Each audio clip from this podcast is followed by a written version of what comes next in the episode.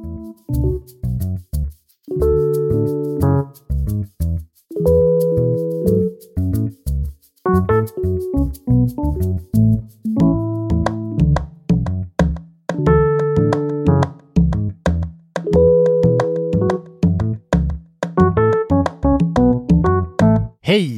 och eh, hjärtligt välkomna till ett nytt avsnitt av Sinnessjukt, en podcast av och med mig, den ängslige och eh, hålögde frilansjournalisten Christian Dahlström.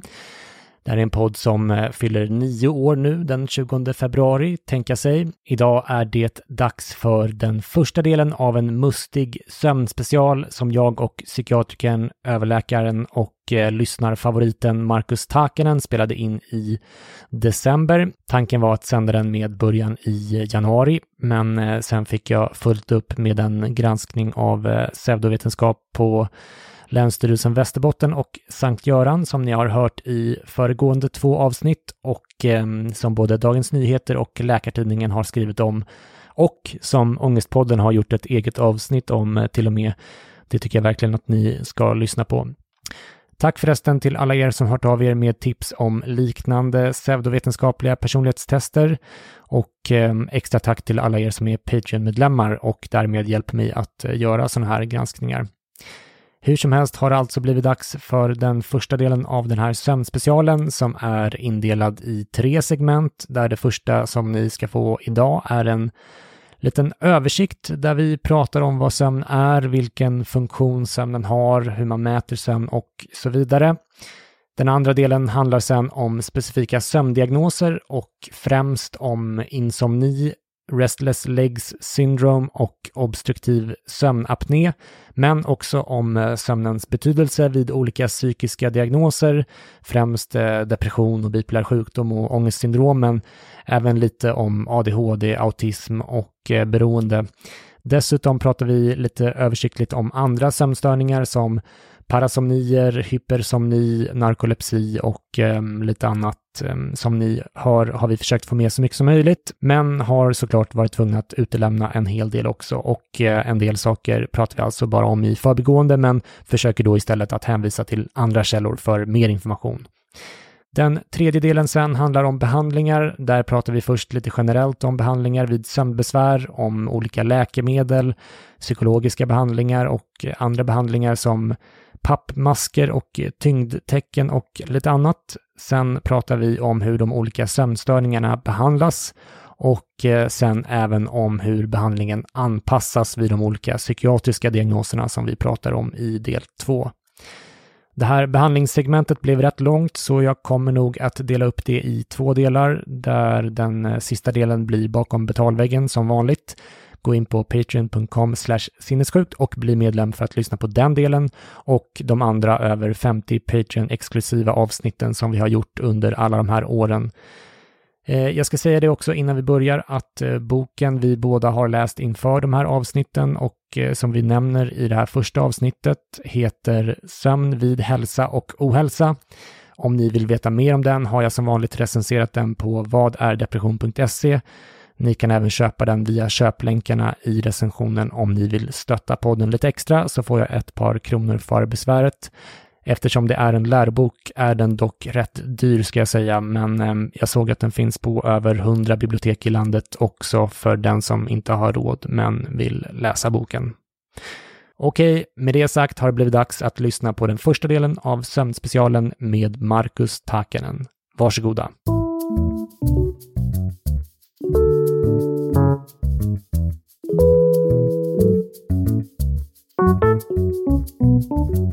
Då har det blivit dags för mig att eh, välkomna en eh, återvändande hjälte till podden, nämligen psykiatrikern, överläkaren och eh, kortspelsinnovatören som jag brukar kalla den smartaste personen i rummet, inte bara här utan i alla rum. Marcus Takanen, hej! Hej, men nu är det ju faktiskt så att jag precis innan konstaterade att du är en av världens bästa poddare, så att det det får du helt enkelt tåla. Ja, det kan inte urarta till eh, klubben för inbördes här, eh, utan vi får dra av det med en gång. Hur står det till? Jo, men så där i största allmänhet står det bra till, men precis som vi pratade om så har jag haft en, men hela mottagningen som jag jobbar på har haft en, en morgon där det känns som vi har blivit överkörda av tåget. Så att jag vet att jag lever och att det snart är jul. Mm. Eh, vi har en eh, grannlaga uppgift framför oss idag, så jag tänkte att jag ska hålla kallpratet till ett minimum, men innan vi drar igång måste jag passa på att nämna att det nyligen var åtta år sedan du eh, gästade podden för första gången. Det är lite roligt. Jag älskar ett bra jubileum och jag tror faktiskt att jag kommer instifta poddebutens dag nästa år. Vi får ta reda på exakt vilket datum det var sen. Det tycker jag. Eh, förra gången du var med, det var kanske ett år sedan eller så, då blev du liksom lite inkastad med rätt kort varsel då vi skulle prata om ovanliga ångesttillstånd i avsnitt 201 och 202, vilket i och för sig var väldigt intressant, men eh, det kanske inte var din hemmaplan egentligen. Men idag ska vi prata om eh, sömn, vilket är ett ämne som du har varit specialintresserad av och eh, studerat på egen hand under de senaste åren. Ehm, jag vet också att det är så att du nu planerar att specialisera dig även formellt till sömndoktor eller vad man nu kallar det. Absolut, jag var rätt nyligen på en sömnkongress och eh, det är så, de är ett så trevligt skrå att jag blev riktigt inspirerad. Det är ett sånt fascinerande ämne.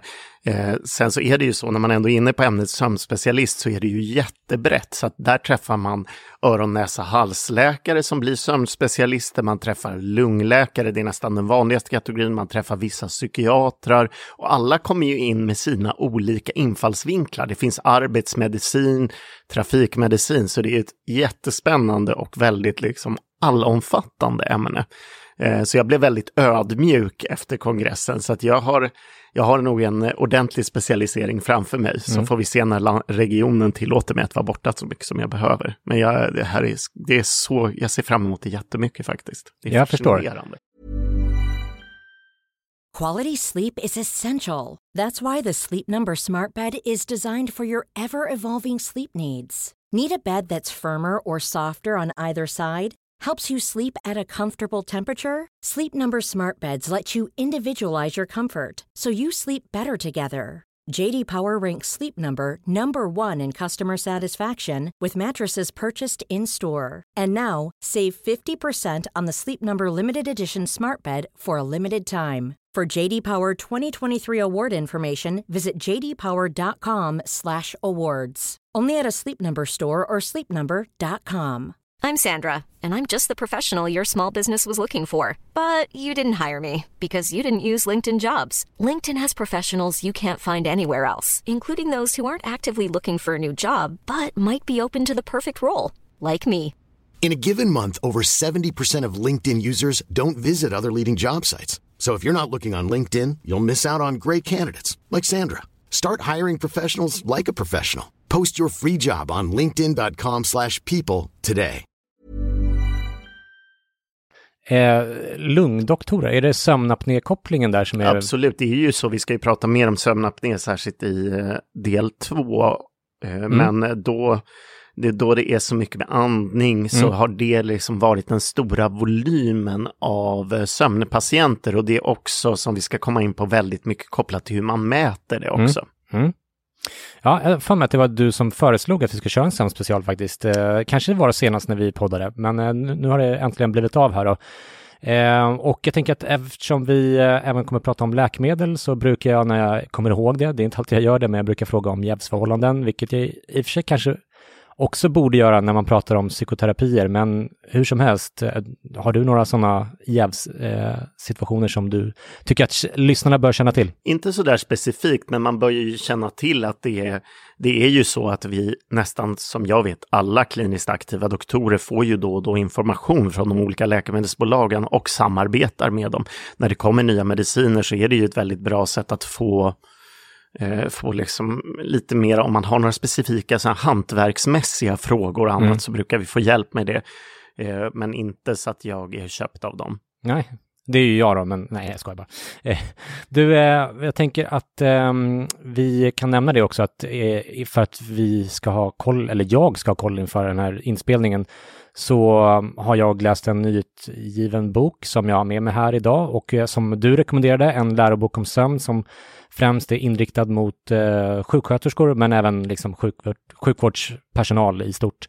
Den heter Sömn vid hälsa och ohälsa och är skriven av en rad olika sömnexperter vi kommer inte att följa den slaviskt, men vi kommer att göra nedslag i den och eh, vi kan väl rekommendera den för den som liksom vill veta mer, även om den är liksom lite träig sådär så som eh, läroböcker i stort sett alltid är.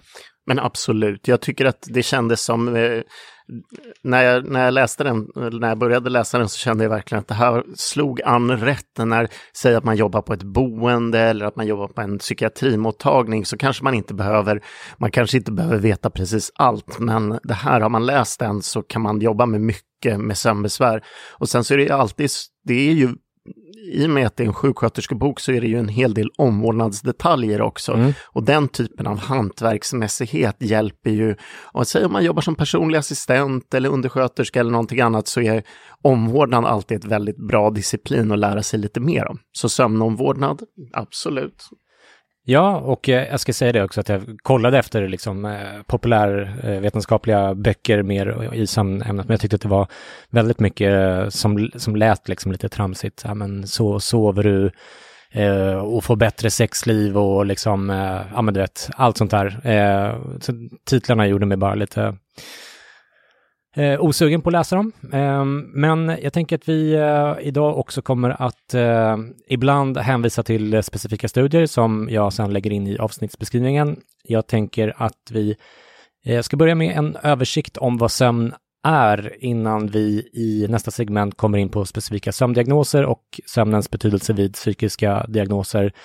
Och i det sista segmentet prata mer om vilka behandlingar som finns. Men eh, vi börjar alltså med en översikt om sömn och jag tänkte att vi ska inleda med att prata om de olika sömnstadier som finns. Man delar upp människans sömn i dels REM-sömn, eh, som även kallas drömsömn och där REM står för Rapid Eye Movements och eh, dels då NREM-sömn och sen delar man in den eh, NREM-sömnen i tre stadier där N1 är det ytligaste stadiet och N3 är det djupaste. Men har jag förstått av den här boken. Den här uppdelningen är rätt godtycklig, intressant. Ja, men särskilt där när man kommer ner i de djupare sömnstadierna så är det ju mer som om man skulle ha liksom procentuellt hur sömndjupt det är. Så att det är inte en, det är klart att man kan se, man mäter och skriver ut vad en, två, en, tre, men det mm. är absolut inte så vattentäta skott mellan dem.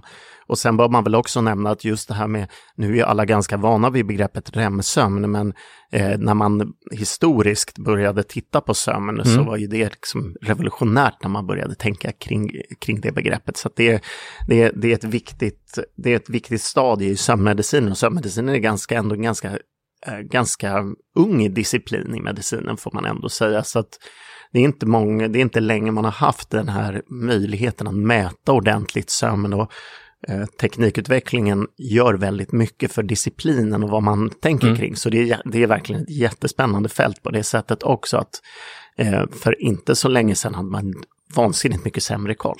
Inte årtionden utan kanske 50-60 år sedan, men då i medicin är det ett ungt en ung specialitet. Verkligen. Och, och, som jag förstod det var det det här med introduktionen av remsömn, det var liksom att man innan hade tänkt sig att man var, alltså att man var antingen var man medvetslös eller inte och mm. nu upptäckte man att det fanns liksom olika stadier av eh, medvetenhet, eller man ska säga. Och att det var det som var det revolutionerande. På något sätt. Och det, ja, tänk, tänk att gå från mellan de två. Det är liksom någonting helt annat att förstå, tänker jag kring. Det är, ja, det är roligt. Ja, och eh, sömnen hos människor är relativt förutsägbar. Vi kommer komma in på avvikelserna då eh, väldigt mycket idag, men eh, normalt sett så sover man i regel i cykler som är runt 90 till 120 minuter långa, där man går från ytligare sömnstadier till djupare sömnstadier och eh, man har i regel fyra eller fem sådana sömncykler under en natt. I början av sömnen får man mer djupsömn och i slutet går de här cyklerna inte riktigt lika djupt så det blir mer och mer ytligt eh, ju längre natten går. Och det är också så att om man har sömnbrist eller om man till exempel har en infektion i kroppen, då kompenserar kroppen för det här genom att anpassa den här strukturen, inte sant? Absolut, den, eh, den styr den mer antingen eh, om man då har större behov så styr den en, djup, en djupare ner i stadierna, ökar andelen av de djupare sömnstadierna. Eh, och om man har till exempel sovit på dagen, som vi kommer att prata lite om under behandlingsavsnittet också, mm. eftersom det kanske inte alltid är en så god idé om mm. man, eh, så eh, kan den styra det till att vara lite mer grunda, så att säga.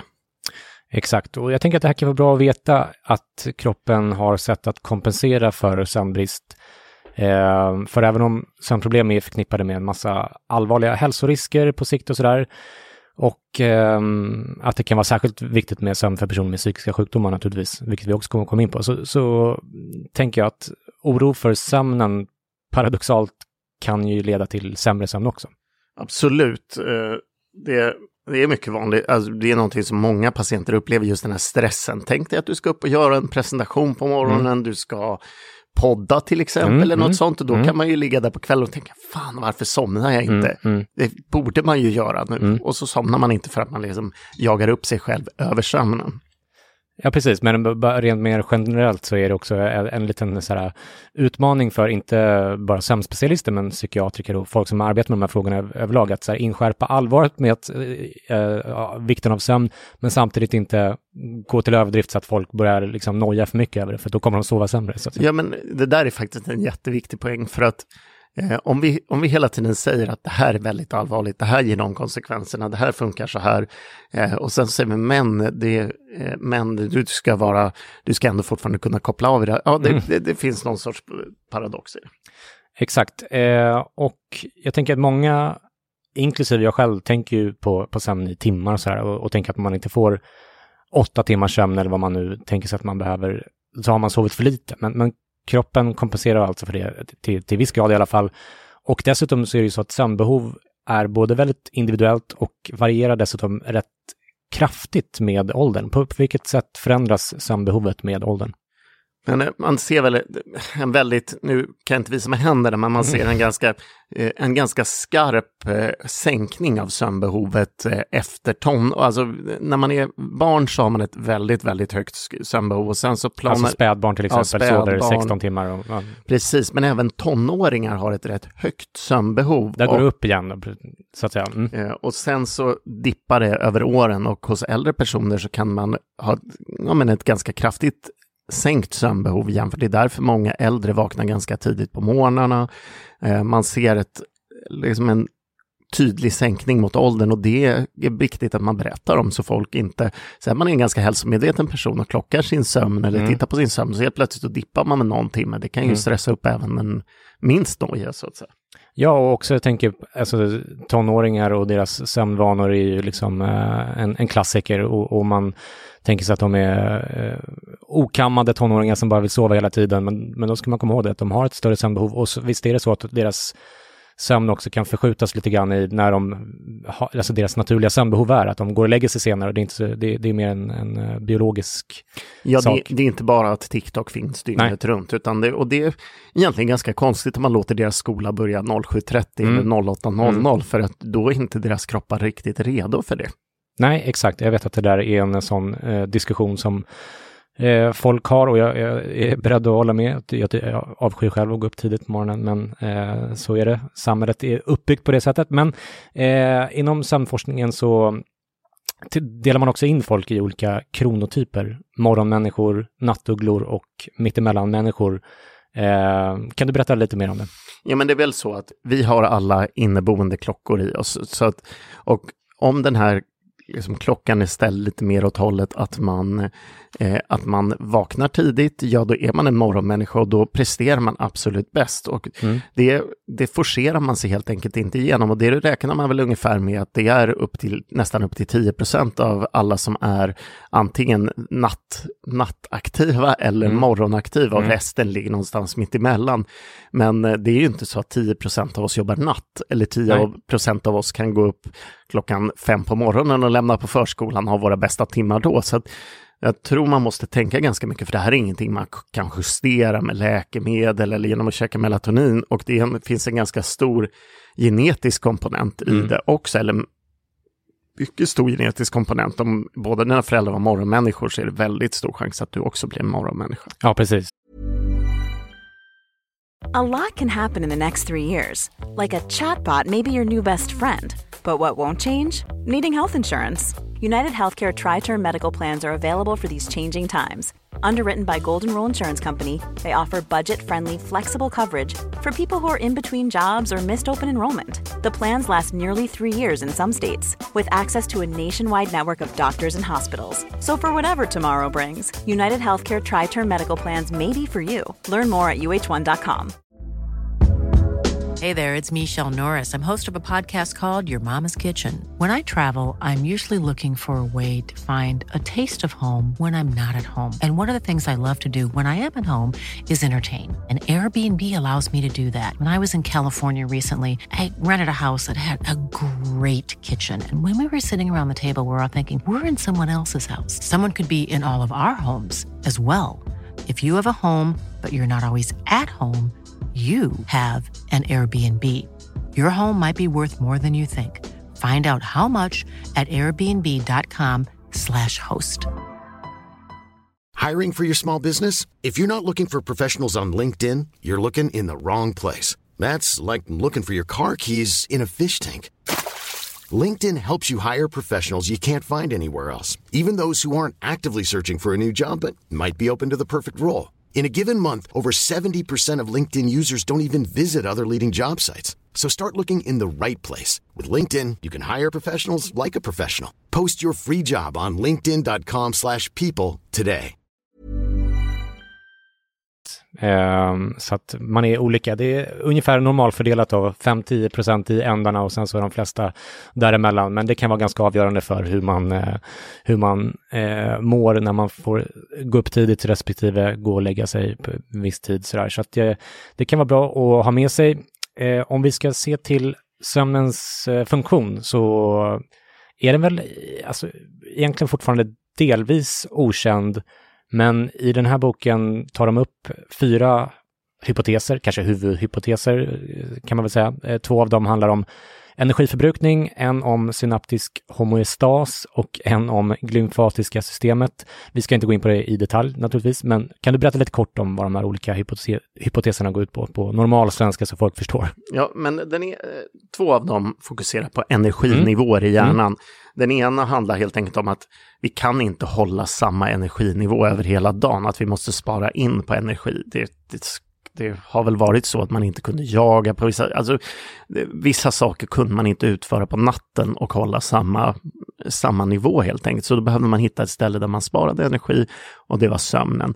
Det andra handlar mer om en tanke att kroppen då har olika ställen där den behöver göra olika saker, det vill säga man kanske har inlagring av minnen mer på natt, man lägger det mer på natten, då kan man vila energisystemet i andra delar av kroppen, att man liksom omfördelar energi mm. över kroppen och på så sätt periodiserar sysselsättningarna kan man säga. Så snarare än att ladda batterierna så handlar det om att liksom omfördela resurserna eh, av dem, den energi man har. Precis, lite som att ladda elbilen på natten när, mm. när resten av hushållen inte använder det. Det, är mm. lite, det blir ju lite mm. så. Mm, mm. Och eh, det tredje det är jag skulle, det handlar om det som kallas synaptisk homeostas, men det är ett väldigt... Jag skulle säga att det är att man ser hjärnan och nervsystemet som lite av ett växthus. Mm. Att eh, där och de här olika typerna av nervkopplingarna tar ju väldigt mycket energi. Hjärnan tar upp väldigt mycket energi och hur vi behöver helt enkelt inte alla nervkopplingar vi har skapat i hjärnan.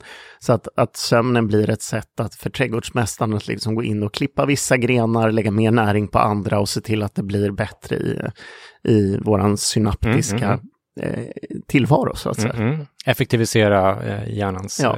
eh, koppling. Och sen så mm. finns det ju den här sista med det lustiga namnet, det vill säga glylymfatiska systemet, eh, som handlar mycket om att man skulle se sömnen som en möjlighet att rensa ut slaggprodukter i hjärnan. Eh, det är ju överlag lite svårare med hjärnan och rensningar och annat, så det kanske behövs mer än eh, där vi kanske använder njurar eller lever i kroppen i övrigt, så kanske man då behöver en nervarvning av kroppen, en liksom, fokus på det här. Och det handlar om det. Mm, ja, men det tycker man har hört talas om, eh, det här med att det rensar på slaggprodukter och sådär. Så. Eh, men men, men, men det, vi bör väl ändå ta upp också att det, det som med alla sådana här teorier, och alla de här är ganska väl underbyggda tycker jag ändå. Det finns liksom saker som talar för och emot.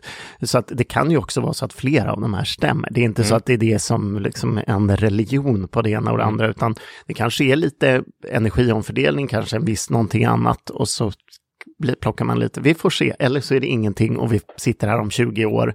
Så och... är det någon helt annan funktion som egentligen är... Exakt. Mm. Mm. Eh, du, det finns mycket mer att säga om eh, hormoner och neurobiologin här och sådär. Jag, jag eh, vet att du är särskilt intresserad av det och ville berätta lite mer om det. Eh, där kanske blir lite av kurs för en del lyssnare. Men, men vad tycker du är intressant att veta? Ja, men jag tycker ändå någonting som vi kanske inte har nämnt så mycket är den här push, eller drag, dragmekanismen i sömnen, det vill säga att vi har någon sorts balans där vi ändå sömnen går mot, vi bygger upp en trötthet i kroppen mm. som sen liksom faller pladask under sömnen och sen bygger vi upp den under dagen. För det är så pass viktigt att tänka kring det när man tänker, men säg att man har någon som är på ett, eh, dag, på ett boende, äldre mm. människor och annat, att även va, sömnen handlar om så mycket mer än vad vi gör under eh, under natten. Det mm. handlar om vad vi har gjort under dagen. Så att det kan man inte betona för mycket, att just den här, vi bygger upp en sömnskuld och sen sover vi. Det här liksom, psyken är så viktig. Säkert finns det ett mått av det också i depression, att mm. om man är väldigt sänkt under dagen, det vill säga att man rör sig långsammare, mm. man mm. har, ja, som man är i en djup depression, mm. då är det ju klart, då blir man ju inte, kroppen använder det, bygger inte upp en sömnskuld. Söm, sömntryck brukar man väl prata om? Exakt, med ett finare ord så heter mm. det sömntryck. Mm. Och eh, när det gäller eh, var sömnen regleras så har man inte riktigt, det är inte så man hittat något särskilt centra, men det, man har sett att det finns liksom på och avceller som är som, som, hjälper, som är på eller av under sömnen. Så att det, det finns någonting i det. Och eh, hormonmässigt så har vi ju då melatonin. Och eh, melatonin är väl den mest kända och den spelar en stor roll för sömnen men den är inte, den är inte enskilt den utan sen finns det också kortisol som är ett annat hormon som är, finns med i inflammation vilket säkert är, bidrar till att om man är sjuk att man sover mer, andra så, annat så. Ett stresshormon brukar väl kallas ibland också, kortisol. Ja. Mm. Och vår dygnsrytm, den har någon sorts, liksom, som en, men tänker som en klocka där man liksom lägger på tyngder så att man liksom, det läggs på grejer under dygnet krokas på saker och sen helt plötsligt säger den okej, okay, nu, är, nu är det dags att sova och så återställs man och så går det liksom i någon sorts påkrokningsprocess. Som med all cellbiologi vet man ju inte exakt, men, men jag föreställer mig i alla fall lite det som en skal, liksom som en vikt som vikter som läggs på och sen så eh, rasslar det ut och blir sömn och så återställer man det. Men där melatonin också spelar roll och ljus och annat spelar roll för hur vår dygnsrytm regleras, men att vi alltid har en fail-safe så att säga. Ja, dygnsrytm kallas väl för cirkadiansk rytm eller något sånt där. Cirkadia betyder alltså ungefär en dag.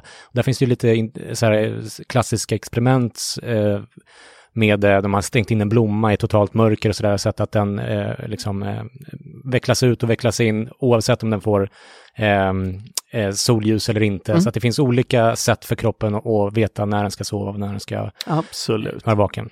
Ja, det är ju sjukt spännande där. Eh, jag tänker att vi ska ju prata om eh, sömnstörningar och hur man behandlar dem och eh, sen lite grann om hur sömnen förhåller sig till psykiska tillstånd av olika slag. Eh, men för att veta om någon sover dåligt så behöver man ju liksom kartlägga sömnen på något vis.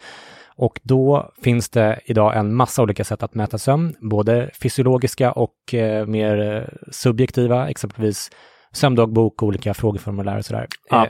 Om, om vi börjar med frågeformulär så finns det ju både, som jag förstått, då, övergripande formulär och sen specifika formulär för olika sömnstörningar, eller? Det finns det, så säg att man har OSAS som är då, liksom, eller eh, som vi ska prata sömnapnésyndrom mm. eller något annat sånt så kan det finnas ett som frågar väldigt specifikt hur trött är du på morgonen, mm. hur, många, hur många gånger har du vaknat, annat mest om man har eh, går mycket i sömnen, kanske det är det man fokuserar på, vaknar du när det går? Och sen så finns det mer allmänt sömnkvalitet, hur, måd, hur mår du på morgnarna, mm. hur många gånger behöver du powernappa under dagen, mm. när somnar du, ner till sömndagbok. Ja, precis. Och sömndagbok har man ju hört talas om också. Och, och, jag tänker att en fördel med det gentemot de här formulären är att man får en kanske mer fullständig, eh, nyanserad bild av en patients sömn över tid. Alltså ett formulär kan ju vara väldigt färgat av hur man upplevt sömnen precis den dagen eller så. Jag gillar dagböcker överlag. I beroende är det väldigt användbart också. Så det är något som jag tycker de flesta patienter som har en väldigt regelbunden kontakt eller ska på ett besök, det finns ingen skada i att skriva ner det när det händer så att säga.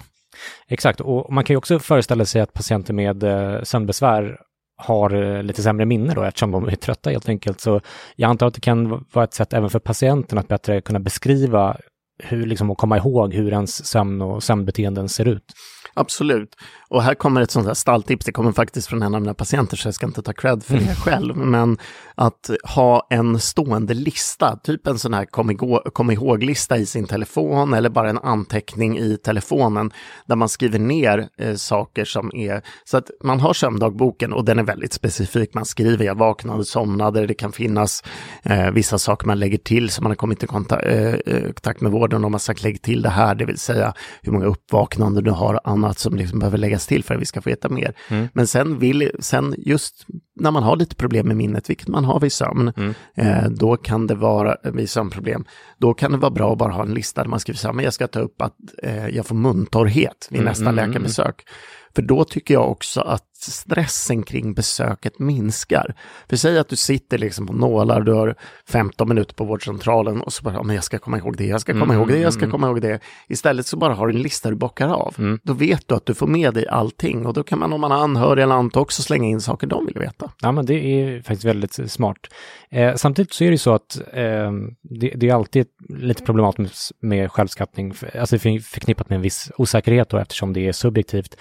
Eh, det ehm, finns ju idag också många fysiologiska mätverktyg för sömn som eh, man kanske kan komplettera med där olika parametrar mäts, eh, till exempel blodtryck, hjärnans elektriska aktivitet, andningsfrekvens och lite annat. Och den vanligaste fysiologiska metoden kallas för polysomnografi eller PSG. Mm. lätt att komma ihåg för de som är fotbollsintresserade, eh, som vill ge det som visar liksom vilket sömnstadium man befinner sig i, eh, enligt den här vanligaste uppdelningen som vi pratade om alldeles nyss. Är Paris ett så pass bra fotbollslag? Nej, det, det, nej men eh, det är lätt att komma ihåg ändå. Ett, ett uselt fotbollslag. eh, nej men en eh, polysomografi är väl det vanligaste och det är, det är ju en kombination av en massa undersökningar som man liksom aggregerar. Eh, det är när man tittar på sömnstadier så tittar man ju på elektriska aktiviteten i hjärnan mm. med ett så kallat EEG, men sen har man också kopplar man också på ögonrörelser, man kopplar på hur är det med andningen, hur är det med muskelaktiviteten, syresättning, blodtryck kan kopplas på. Det är, liksom, det är en jätte det är mycket man, så att är man lite labbmedicinskt intresserad så mäter man massor av parametrar. Det, det är liksom, man kopplar på lite det man behöver och ser någonting och så kanske man gör en ny undersökning och kopplar på syresättningen eller den är väldigt vanlig men tittar på annat. Så att det, det finns en liksom uppsjö, det är en det är en mätteknikers dröm. Ja, precis, men som du är inne på här så är det inte heller helt så standardiserat vad en polysomnografi ska bestå av. Och Egenrapportering av sömnen har ju, som vi sa då, sina begränsningar eftersom det är subjektivt, men fysiologisk mätning är inte heller helt oproblematiskt. I den här boken punkterar man ju att sömn är ett komplext fenomen där man bara mäter eh, vissa värden och kunskapsläget är också inkomplett, som du var inne på. Eh, Sömnforskningen är relativt eh, ung. Ehm, så det är ju möjligt att man mäter fel saker så att säga. Och dessutom är det inte så att den som själv upplever sig sova dåligt alltid verkligen har avvikelser i de här mätvärdena eh, och vice versa då, den som upplever sig sova bra kan ibland ha avvikelser. Så att det verkar som att det finns en, del, en hel del okända eh, variabler där. Eh, så man kanske inte ska ta de här mätvärdena på för stort allvar heller. Och den subjektiva upplevelsen är ju, är ju väldigt viktig att ta på allvar ändå. Mm, absolut, det är ju om du somnar på möten på jobbet eller om du är trött på dagarna så måste man ju, då, och det har varit länge, då måste man ju ta reda på orsaken och då kanske man måste gräva, gräva fram det på andra sätt och då är det ju verkligen anamnes och se vad har hänt, när händer det, eh, hur var det innan? Och eh, nu är det ju väldigt, ja, vi ska ju prata om mätningarna på nästa, men, mm. Eh, mm. men det kan ju vara väldigt, även själva mätmomentet kan ju vara lite störande. Ja, men exakt. Alltså, vi pratade om det alldeles nyss, att för stort fokus på, på sömnen kan vara ett problem. Eh, men själva mätningen kan vara ett problem även på andra sätt, inte minst vid sömnapné, som ju är en av de här sömnstörningarna som vi ska prata om i nästa segment, där man har som en mask på sig på natten som mäter andning och eh, justerar lufttrycket i eh, lungorna. Eh, men även olika, liksom, det finns ju appar och aktivitetsklockor och sånt där som en del använder för att mäta sin sömn. Och det kan ju vara hjälpsamt för vissa, men för andra kan det ge liksom, friska personer onödig oro och bidra till onödig vårdkonsumtion när man plötsligt börjar fokusera alldeles för mycket på sin sömn, vilket också ibland eh, kallas för ortosomni. Eh, Eh, lite liknande ortorexi när man fokuserar för mycket på, på ätandet och, och träning och sånt där. Så det, jag tänker att det är en svår eh, balansgång. Men absolut, och själva de här liksom, eh, polysomnografimätningarna med saker man häktar på ansiktet, det, det är väl ingen som sover superbra under dem, men samtidigt är det ju så man har mätt det, så att det är därifrån man tar lite, Man har en bra baseline för det, så den som mät, eh, tolkar mätningarna är ju väl medveten om att det kanske inte är perfekt, så man ska nog inte stressa upp sig över att sömndoktorn inte förstår det, för att det är, de har ju stått på de där kongresserna också och testat de här olika och det är inte, jag skulle inte säga att alla är så bekväma av de där maskerna. Men sen är det ju jättepoäng i att de här apparna och klockorna, mm. att du har, det är inte ens, hur naturligt var det egentligen för tio år sedan att man sover med en klocka på en klocka som kanske mm. av misstag lyser upp när det är ett meddelande mm. eller någonting annat. Det är ju verkligen som att ha en skärm i sovrummet igen, som då är till för att man ska sova bättre, men det är inte superbra på det sättet heller. Det finns ett störande moment i sovrummet. Så man kanske ska vara lite försiktig med det där. Om man inte vet med sig att man har väldigt stora sömnproblem så kanske man ska ta, ta det lugnt med att installera för mycket appar och klockor och sånt där, mäta sömnen, för det i sig sin tur kan störa ens sömn helt enkelt.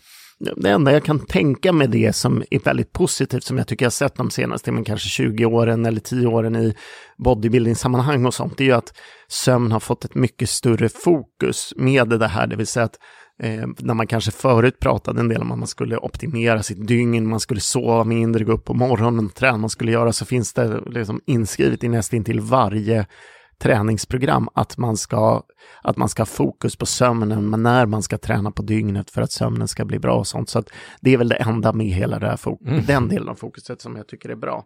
Ja, du, innan vi går vidare till nästa segment så undrar jag lite grann också var de här instrumenten används och var man kan uh, söka hjälp. Det finns, vad jag förstår, särskilda sömnlaboratorium på enstaka platser i landet. Det är väl ganska, eller det är väldigt få som jag förstått det, och, och där man har den här mer avancerade utrustningen. Men annars gissar jag att det är vårdcentral man söker hjälp på, eller hur går man till väga?